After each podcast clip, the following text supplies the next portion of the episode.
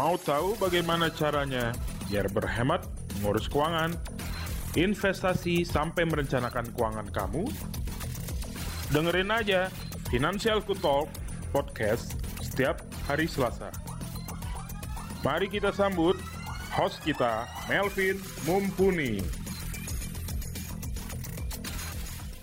Halo, jumpa lagi bersama saya Melvin Mumpuni CFP, perencana keuangan dan juga founder dari Financialku.com. Dan menemani kesibukan kamu di hari ini, saya akan membahas sebuah topik yang seru yaitu tentang perbudakan modern. Perbudakan modern ini adalah salah satu ancaman bagi para milenial. Perbudakan modern membuat korbannya merasa ketagihan dan tidak merasa diperbudak. Mereka tampak bahagia di luar, sayangnya hidupnya di dalam wah berantakan sekali. Dan semuanya akan kita bahas di Fintalk episode 30. Tiga jenis perbudakan modern yang menghantui milenial. So, stay tuned. Sebelum bahas lebih detail, Sobat Finansialku dapat mengirimkan pertanyaan atau curhat keuangan kamu melalui fitur Tanya Perencana Keuangan di aplikasi Finansialku. Dan juga jangan lupa kasih hashtagnya hashtag curhat keuangan. Salah satu curhatan kali ini adalah membahas begini. Mas Melvin, perkenalkan saya XYZ dari Jakarta. Suan mas, sudah banyak share di Fintalk, saya jadi tahu curhat keuangan ke mana. Oke, dan gini loh mas, saya ini seorang manajer penjualan di salah satu perusahaan swasta.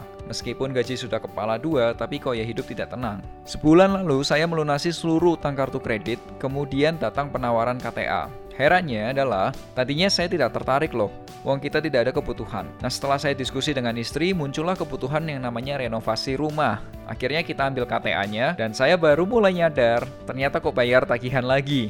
Sebenarnya, kapan ya bisa lunas? Saya jadi khawatir, ini bisa jadi kebiasaan karena nggak lama lagi anak mau masuk kuliah. Mas Melvin menerima konsultasi juga nggak sih? Lewat mana kalau mau konsultasi dan berapa fee-nya? Tolong dijawab ya Mas Sun. Oke, okay, so jawaban saya adalah seperti ini teman-teman. Pak XYZ di Jakarta sebelumnya thank you sudah menghubungi saya melalui aplikasi finansialku dan juga pakai hashtag curhat keuangan. Sebenarnya problem yang dihadapi oleh Bapak juga dihadapi oleh banyak orang di Indonesia. Nggak cuma generasi Bapak, juga termasuk generasi milenial. Pola-pola pinjaman itu sebenarnya sama yaitu kebutuhan yang sifatnya impulsif atau tiba-tiba ada gitu. Nah, saya yakin Bapak tidak terpikir mau renovasi rumah kan? Ya, karena tidak ada uangnya juga pada waktu itu. Nah, hasrat beli barang secara impulsif itu ibarat orang yang sudah ngepet gitu. Ya, jadi bagaimana solusinya? Saya punya beberapa cara yang dapat Bapak lakukan dan sobat-sobat finansialku juga bisa lakukan agar terhindar dari yang namanya impulsive buying. Jadi yang pertama adalah punya rencana keuangan atau ingat tujuan keuangan kamu. Saya sering mengatakan bahwa gini, impulsive buying itu adalah distraction pengalihan dari tujuan keuangan kamu yang sebenarnya. Setiap kali kamu pengen beli barang yang mahal, sampai-sampai kamu harus utang untuk belinya, maka lihatlah dulu daftar tujuan keuangan yang belum tercapai. Misal nih, waktu kamu lihat nih di online store atau di website, wah ada tas kulit ya harganya mahal ya, kayaknya satuannya sampai 2 juta, 3 juta, atau ada yang sampai 5 juta. Worth it gak ya beli ginian? Nah, lihat dulu nih, tujuan keuangan kamu yang sebenarnya apa nih? Oh, ada rencana mau beli rumah. Oh, ada rencana mau nyiapin dana pernikahan. Oh, ada rencana mau nyiapin anak sekolah dan lain sebagainya. Nah, bagaimana kalau misal belum punya rencana keuangan? Kamu bisa menggunakan jasa perencana keuangan untuk membantu membuatkan kamu sebuah rencana keuangan. Silakan aja hubungi finansialku melalui email solusi at finansialku.com atau DM Instagramnya finansialku underscore com. Lalu kalau misal nih ya, belum punya banyak uang nih untuk bisa hire financial planner, apa yang harus dilakukan? Simple, kamu bisa juga kok pakai yang namanya aplikasi financialku.com.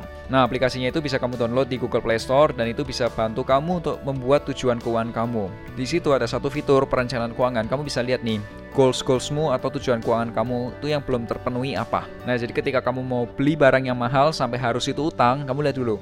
Oh, ternyata masih ada goals yang belum terpenuhi. Nah, cara kedua menurut saya adalah gini Cari cara lain untuk reward yourself.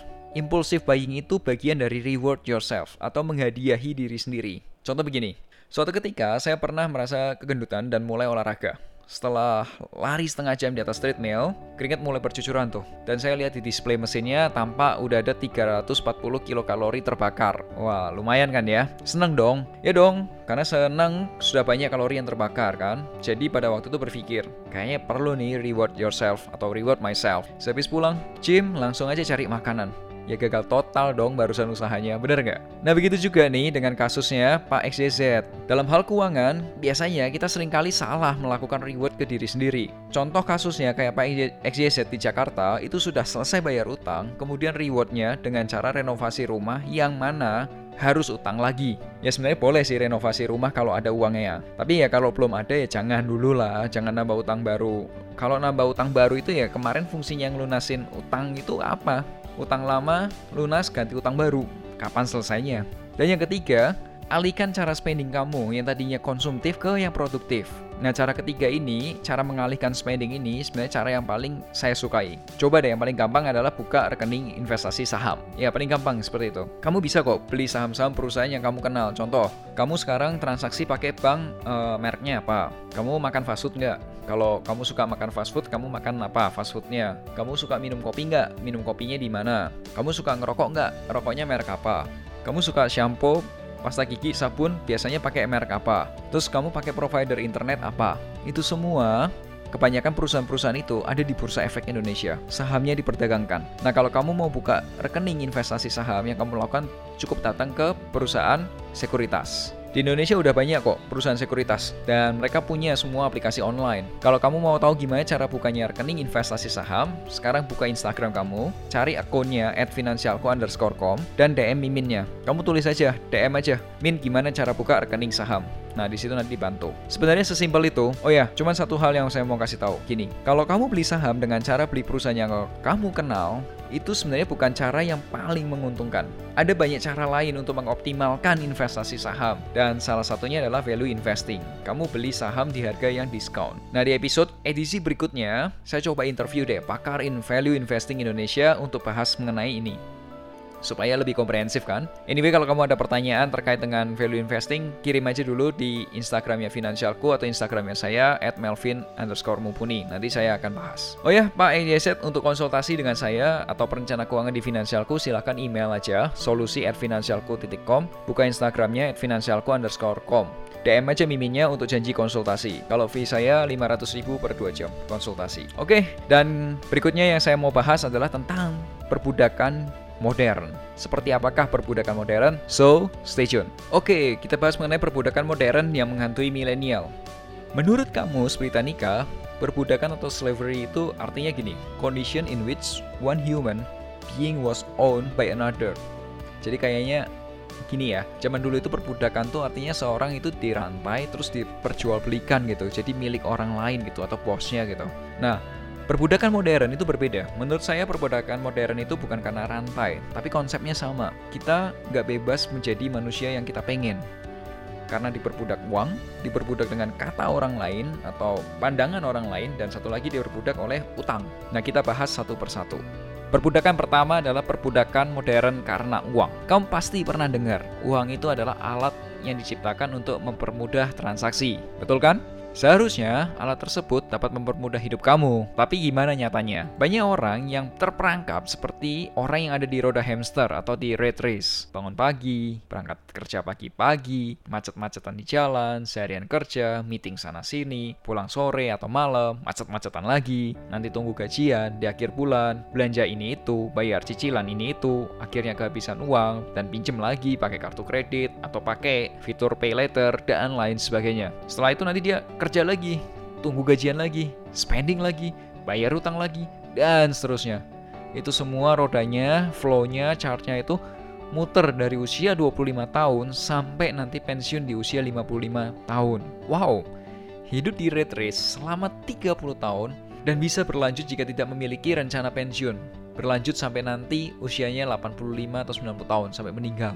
Wow, kan hidup seperti kayak gitu, itu sangat nggak menyenangkan bukan? Kita hidup tiap hari dan mati cuma sekali. Tapi kita nggak mau kan 30 tahun waktu kita dipakai untuk begitu. Bener nggak? Think again. Di buku saya yang saya buat, Make a Plan and Get Your Financial Dreams Come True, bab 2 khususnya, saya membahas mengenai istilahnya pegang kendali atas keuangan kamu. Harusnya kamu adalah bos dari uang kamu.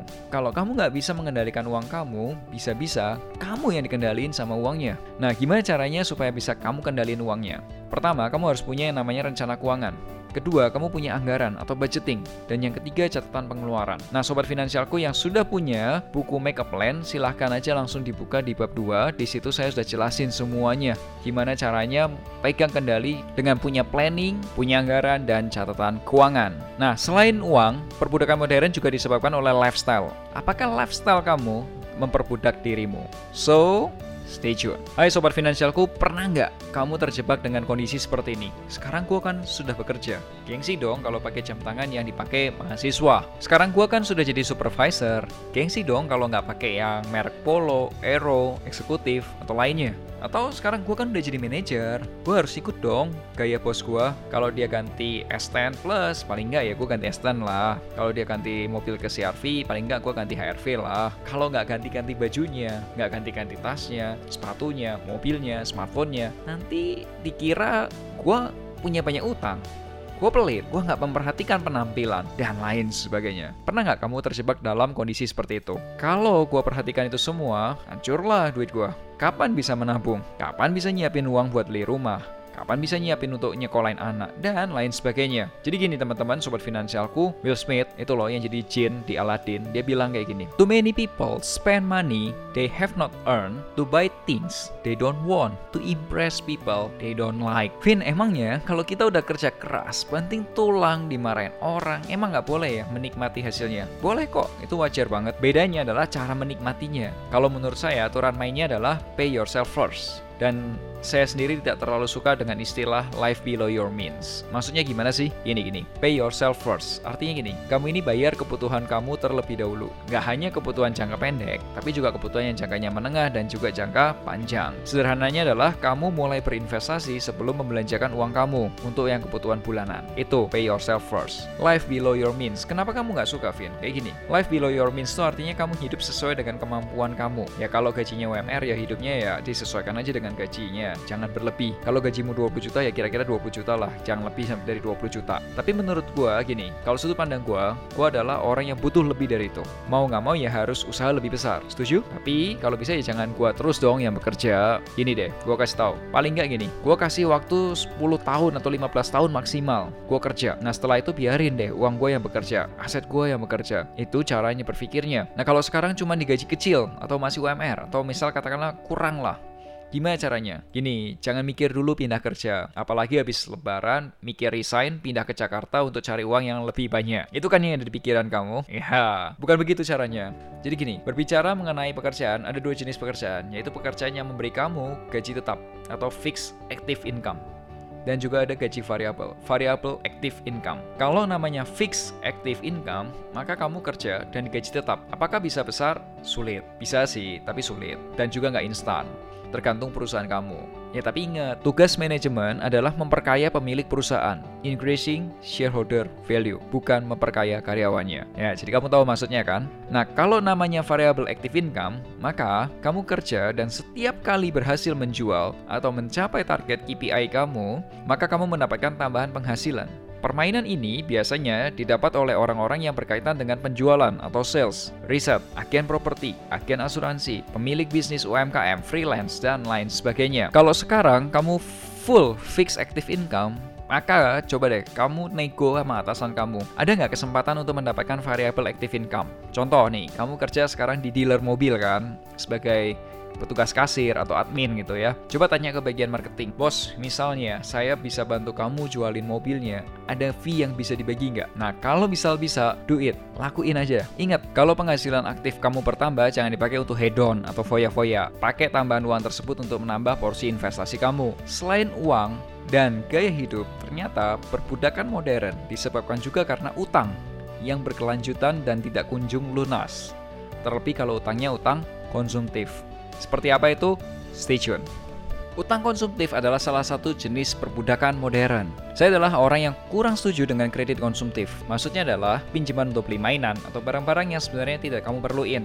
Dan ujungnya adalah pengeluaran. Biasanya orang yang menjual kredit konsumtif menggunakan teknik merebus katak. Udah pernah dengar belum? Coba deh, gimana caranya merebus katak? Pertama, siapkan air hangat di atas kompor. Biarin si katak itu berendam di panci dengan air hangat. Biarkan si katak menikmati air yang hangat tersebut dan jangan lupa naikin apinya perlahan.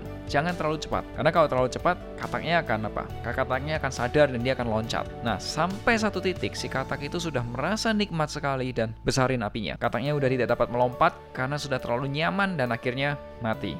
Begitu juga dengan orang yang dikasih penawaran kredit konsumtif. Awalnya cuma cicilan 0%, Belanja 600 ribu, dicicil 3 bulan, bunganya 0%. Beli barang, fasilitas pay later. Dan kemudian dikasih pinjaman yang lebih tinggi dikit. Kasih pinjaman dengan bunga katakanlah sampai 1% tiap bulan. Kalau sudah dikasih cicilan motor 20 juta untuk 3 tahun. Kalau sudah ada pinjaman KTA 60 juta untuk 4 tahun, dikasih bunga katakanlah 12% setahun. Nah, karena kamu pembayarannya bagus, kalau udah dinaikin lagi, di top up lagi pinjamannya jadi 100 juta belum lunas, top up lagi, top up lagi, dan nggak kerasa sekarang sudah 50% dari gaji untuk bayar pinjaman. Itulah jenis atau cara merebus katak. Solusinya gimana sih? Sebenarnya ada teknik untuk melunasi utang di artikel finansialku. Kamu coba cari tahu deh, ada yang namanya debt avalanche atau debt snowball dan lain sebagainya. Kamu bisa baca juga penjelasan atau langsung aja tanya ke perencana keuangan di aplikasi finansialku. Di situ ada menu tanya perencana keuangan. Dan juga sobat finansialku yang sudah baca buku Make a Plan, coba deh baca di bab 3 saya sudah jelaskan bagaimana cara mengamankan keuangan kamu supaya terhindar dari kebangkrutan. Dan salah satunya adalah cara melunasi utang konsumtif. Oh ya, anyway, saya berencana ingin membahas lebih detail mengenai utang di Instagram pribadi saya, at melvin underscore mumpuni. Saya ingin membahas dalam story berjudul Game of Loans. Iya, yeah, terinspirasi oleh Game of Thrones. Dan kasih tahu juga teman-teman kamu supaya mereka tidak jadi korban dari perbudakan modern. Sobat finansialku, akhirnya kita ada di akhir podcast Fintalk episode 30 dan di episode ini saya membahas tiga jenis perbudakan modern yaitu perbudakan karena uang, karena lifestyle dan juga karena utang. Perbudakan uang terjadi karena kita tidak bisa mengendalikan uang kita dan parahnya kita sebagai manusia hidupnya dikendalikan oleh uang. Dan satu-satunya cara adalah mulai pegang kendali 100% atas keuangan kamu dengan cara financial planning dan budgeting. Kedua, perbudakan lifestyle. Ini paling menyebalkan karena kata Will Smith kita itu menghabiskan uang yang bisa jadi kita belum punya untuk beli sesuatu yang sebenarnya kita nggak suka dan untuk menyenangkan orang lain yang bisa jadi kita juga nggak suka. Solusinya adalah jadilah pembeli yang cerdas, yang pandai, bukan pembeli yang impulsif. Tambah penghasilan dengan cara tambah variable active income, investment income, and passive income. Terakhir adalah perbudakan modern karena utang, utang dan utang. Saya ingin membahas lebih detail mengenai perbudakan utang ini di Instagram story saya, judulnya Game of Loans. So, jangan lupa follow akunnya at melvin underscore mumpuni. Semoga podcast episode perbudakan modern ini dapat bermanfaat dan jangan lupa make a plan and get your financial dreams come true. Sampai jumpa di podcast berikutnya.